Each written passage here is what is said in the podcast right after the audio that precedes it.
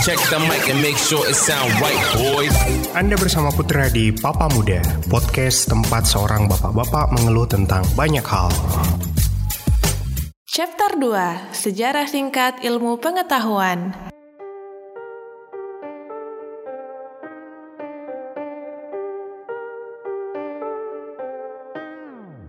Di awal waktu, permukaan bumi dihuni makhluk bernama Titans. Tubuhnya menjulang ke angkasa. Genggaman tangannya dapat meruntuhkan pegunungan, dan pijakan kakinya selalu menyuarakan keberadaannya. Hamparan bumi adalah tempatnya memerintah. Tidak satupun di antara hambanya menyuarakan perbedaan. Yang teragung di antara mereka bernama Kronos. Pemimpin para Titans dan juga ayah dari para dewa. Demeter, Hera, Hades, Hestia, dan Poseidon. Terhasut dengan ketakutannya sendiri bahwa anak-anaknya kelak akan merebut tahtanya, ia kemudian tanpa welas asih demi kelanggengan tahtanya, menelan anak-anaknya sendiri.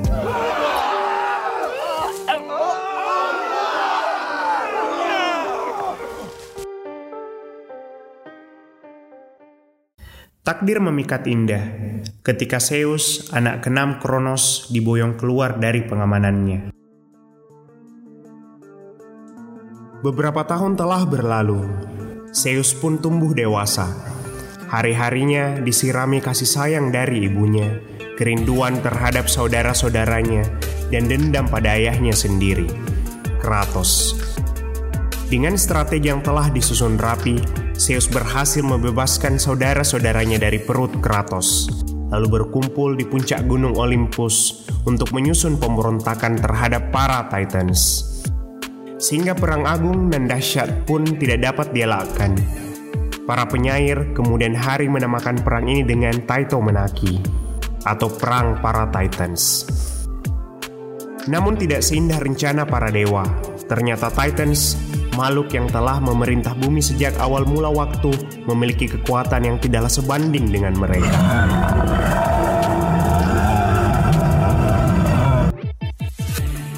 Paham dengan kondisinya yang semakin sulit, Zeus kemudian membebaskan makhluk satu mata, Cyclops.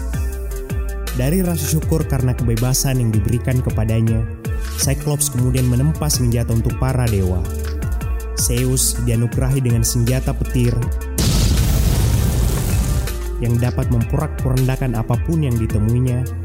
Poseidon mendapatkan trisula yang dapat memicu gempa dan tsunami. Sementara Hades diberikan topi baja yang membuatnya dapat tidak terlihat. Dengan senjata dahsyatnya tersebut, harapan baru dibawa ke tangan para dewa, membuat mereka semakin bersemangat dalam pertempuran.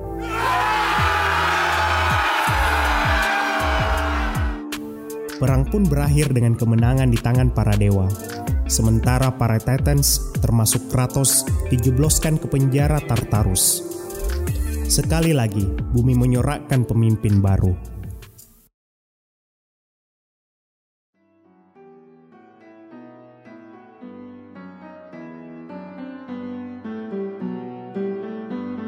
Sebagai penguasa, tanpa kehadiran Titans, Zeus melihat bumi menjadi surga yang kosong. Dititahkanlah Prometheus beserta saudaranya Epimetheus untuk mengisi bumi dengan berbagai makhluk hidup. Mereka kemudian membagi tugas. Epimetheus bertanggung jawab menentukan anugerah apa yang diberikan pada setiap makhluk hidup. Diberinya kemampuan terbang pada beberapa di antaranya, taring dan gigi yang tajam pada beberapa lainnya, dan tidak lupanya juga kemampuan menyelam dan berlari cepat dibagikan kepada mereka yang berhak. Sementara itu, Prometheus berjibaku untuk merupa manusia. Dibentuknya serupa dengan para dewa. Meski Zeus bersikeras, tempat mereka di bawah dan memiliki tugas menyembah para penghuni gunung Olympus. Dalam benak Prometheus, ia bersikukuh dengan Zeus karena manusia diharapnya memiliki peran besar kelak dalam pertalian waktu. Dari niatannya tersebutlah Prometheus kemudian membopong api lalu disebarkannya kepada manusia.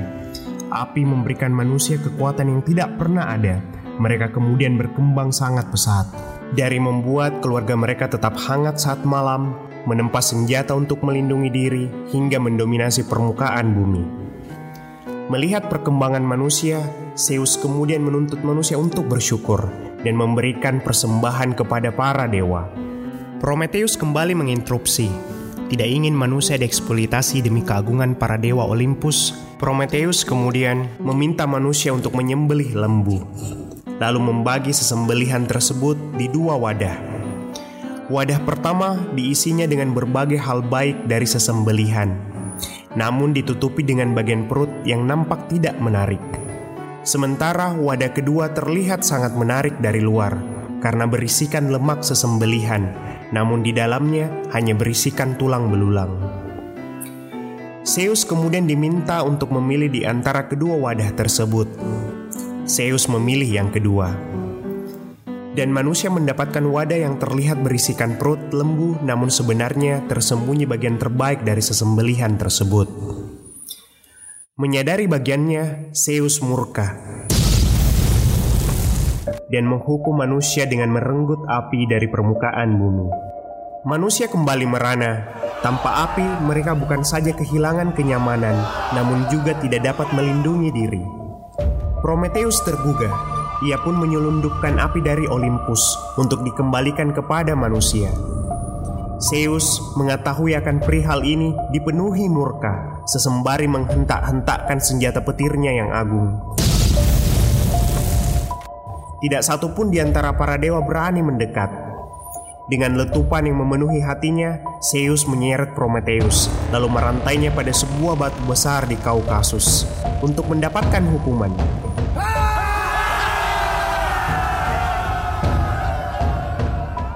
Bukan hanya sampai di situ, setiap hari akan datang seekor burung bangkai yang akan mencabik-cabik hati Prometheus. Dan saat malam hari tiba, hatinya tersebut akan tumbuh kembali, sehingga Prometheus harus menghadapi siksaan yang sama tiap harinya. Namun dalam benaknya, Prometheus tidak pernah merasa menyesal sedikit pun. Pemberontakannya tersebut adalah bentuk kecintaannya terhadap manusia.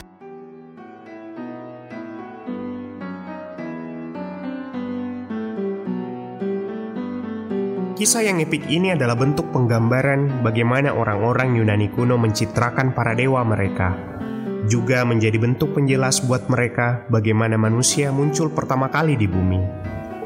Api yang dibawa Prometheus adalah penggambaran bagaimana ilmu pengetahuan dapat mengubah setiap sendi hidup manusia.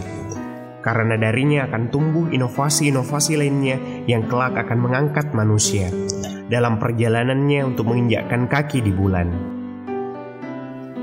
Sejak dahulu kala, ilmu pengetahuan adalah barang eksotis yang diminati oleh seluruh makhluk hidup. Karena ilmu pengetahuan bukan saja dapat mengangkat derajat hamba menjadi merdeka, namun juga dapat membuat sebuah negara menjadi adidaya.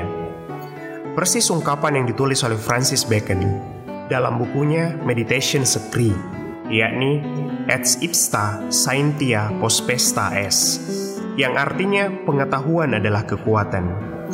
Kunci kesuksesan tersebut bukanlah lagi menjadi rahasia. Tiap bangsa-bangsa sepanjang sejarah telah melakukan berbagai hal untuk mengeksplorasi pengetahuan dan menjadikannya pijakan untuk mendominasi percaturan dunia. Sebut saja kaum Romawi, dalam buku The Shortest History of Europe karangan John Hirsch mengungkapkan meski tidak dapat dibantahkan bahwa kaum Romawi sangatlah lihai dalam ilmu ketatanegaraan, namun persoalan ilmu pengetahuan kaum Yunani tidaklah tertandingi. Dari keniscayaan tersebut, para elit Romawi biasanya akan mengirimkan anak-anak mereka untuk belajar di Athena atau mempekerjakan budak dari kaum Yunani untuk mengajarkan anak-anak mereka di rumah. Kebanggaan yang besar orang-orang Romawi pada imperiumnya tidak menjadikan mereka sombong kalau hal tersebut berkenan tentang pengetahuan. Bukan saja kaum elit, Hashashin, yakni sebuah sekte pembunuh yang bermarkas di pegunungan Alamut, ternyata memiliki perpustakaan yang sangat besar. Diceritakan oleh Fernando Baez dalam bukunya yang terkenal, Penghancuran Buku dari Masa ke Masa, mencatat buku dalam perpustakaan tersebut sampai berjumlah satu setengah juta buku. Meski dihancurkan oleh invasi Mongol pada tahun 1256, namun kehadirannya menjadi bukti sejarah bahwa ilmu pengetahuan selalu menjadi primadona untuk siapa pun. Manusia menali ilmu pengetahuan tersebut agar dapat disimpan dan diedarkan. Dahulu kala di Mesopotamia, sekitar 5300 tahun yang lalu, manusia membuat media tulisan dari lempengan tanah liat yang dibakar. Asal muasal buku pertama tersebut mereka percayai berasal dari Dewi Gandum, yakni Nidabah. Waktu berlanjut, pada masa Yunani, di zaman ini manusia menggunakan papirus untuk menulis. Hingga akhirnya dinasti Han pada 105 sebelum masehi, kertas pertama diciptakan, yang pada akhirnya akan merevolusi dunia.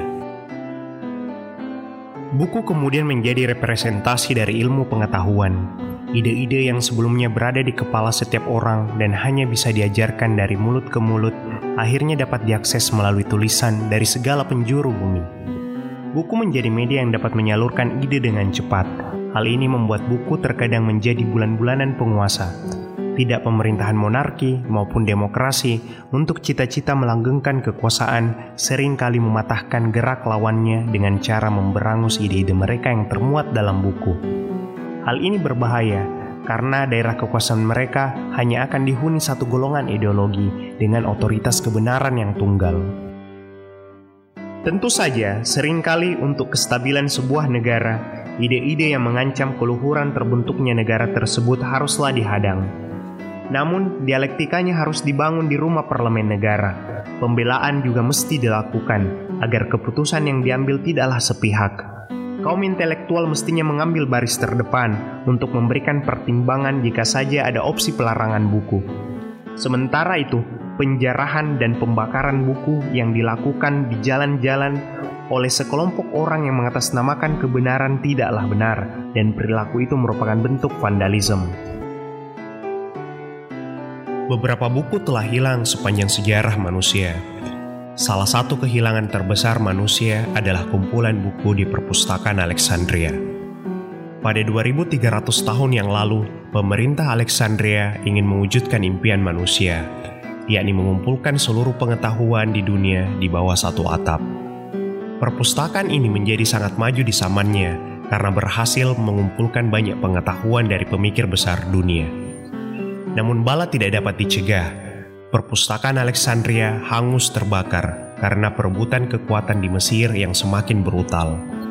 Selain perpustakaan Alexandria, Fernando Baez juga mencatat ratusan karya-karya Aristoteles juga menghilang Karya-karya Aristoteles yang dapat disentuh manusia hari ini adalah hanya merupakan catatan-catatan yang dikumpulkan para penggila buku atau murid-muridnya.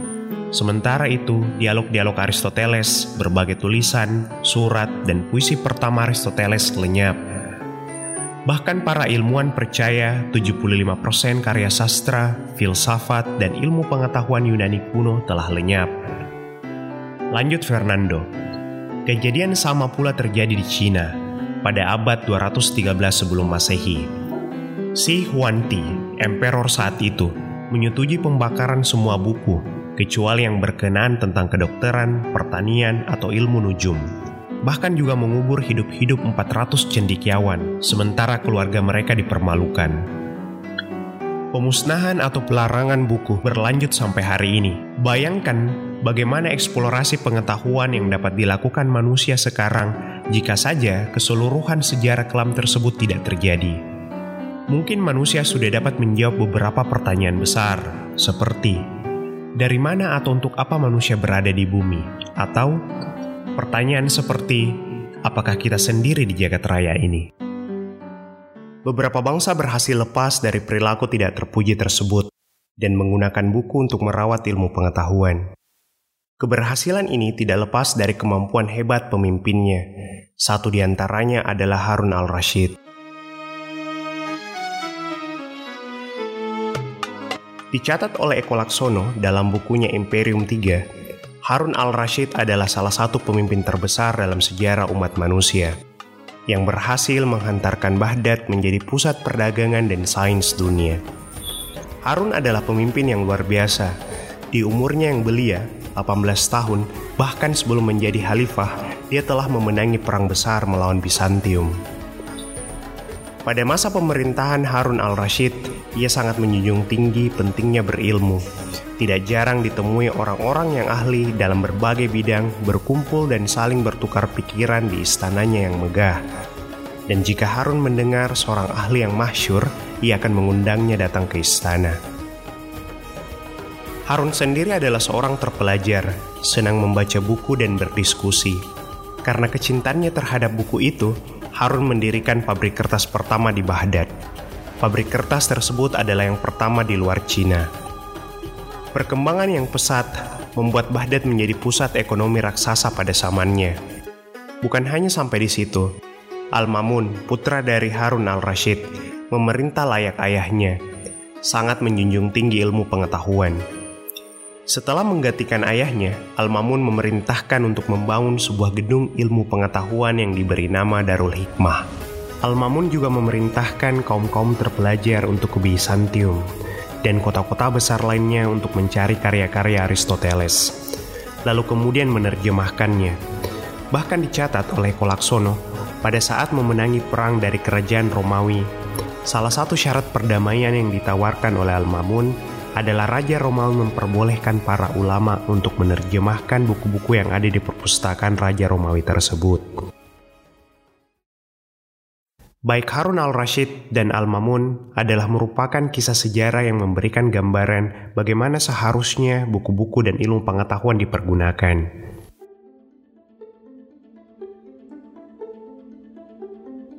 Saman berlanjut.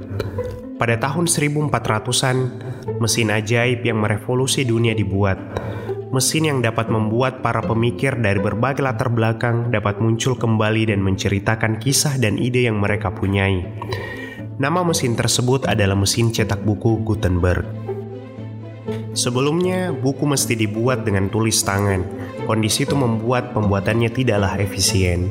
Gutenberg membuat buku menjadi mudah digandakan dan yang jauh lebih penting lagi membuatnya menjadi lebih murah. Membaca buku seketika menjadi tren baru dan dapat diakses oleh banyak orang dari berbagai lapis masyarakat, baik itu bangsawan juga hamba sahaya. Jumlah orang bersekolah meningkat dan membuat Eropa berada di ambang pintu kemakmuran tanpa henti. Bahkan, catat Eko Laksono, perebutan Andalusia dari tangan Muslim membuat ilmu pengetahuan ditransfer besar-besaran, menjadikan Eropa adidaya. Kembali ke masa sekarang, bayangkan bagaimana nikmatnya hidup di sebuah kota di negara-negara adidaya. New York contohnya. Anda dapat bersukaria membawa sanak keluarga di Central Park yang dipenuhi pepohonan teduh sambil menikmati seruputan kopi. Jika saja dalam keadaan genting, Anda dapat memanggil 911.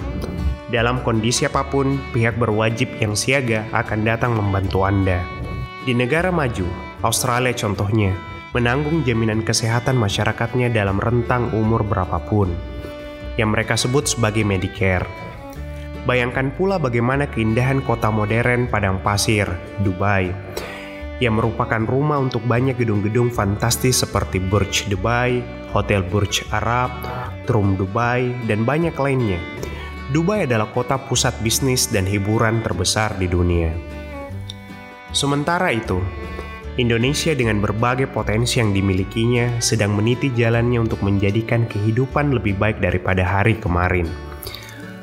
Melihat potensi yang dimiliki oleh bangsa ini, bukanlah tidak mungkin mengejar ketertinggalan dari negara maju lainnya. Penentu dari perjalanan tersebut adalah masyarakatnya yang harus menjawab pertanyaan yang sangatlah sederhana. Mau dibawa ke mana bangsa ini? Atau jika ingin meniti perjalanan bangsa besar lainnya, pertanyaan kedua yang harusnya dapat dijawab adalah, buku apa yang ingin saya baca hari ini?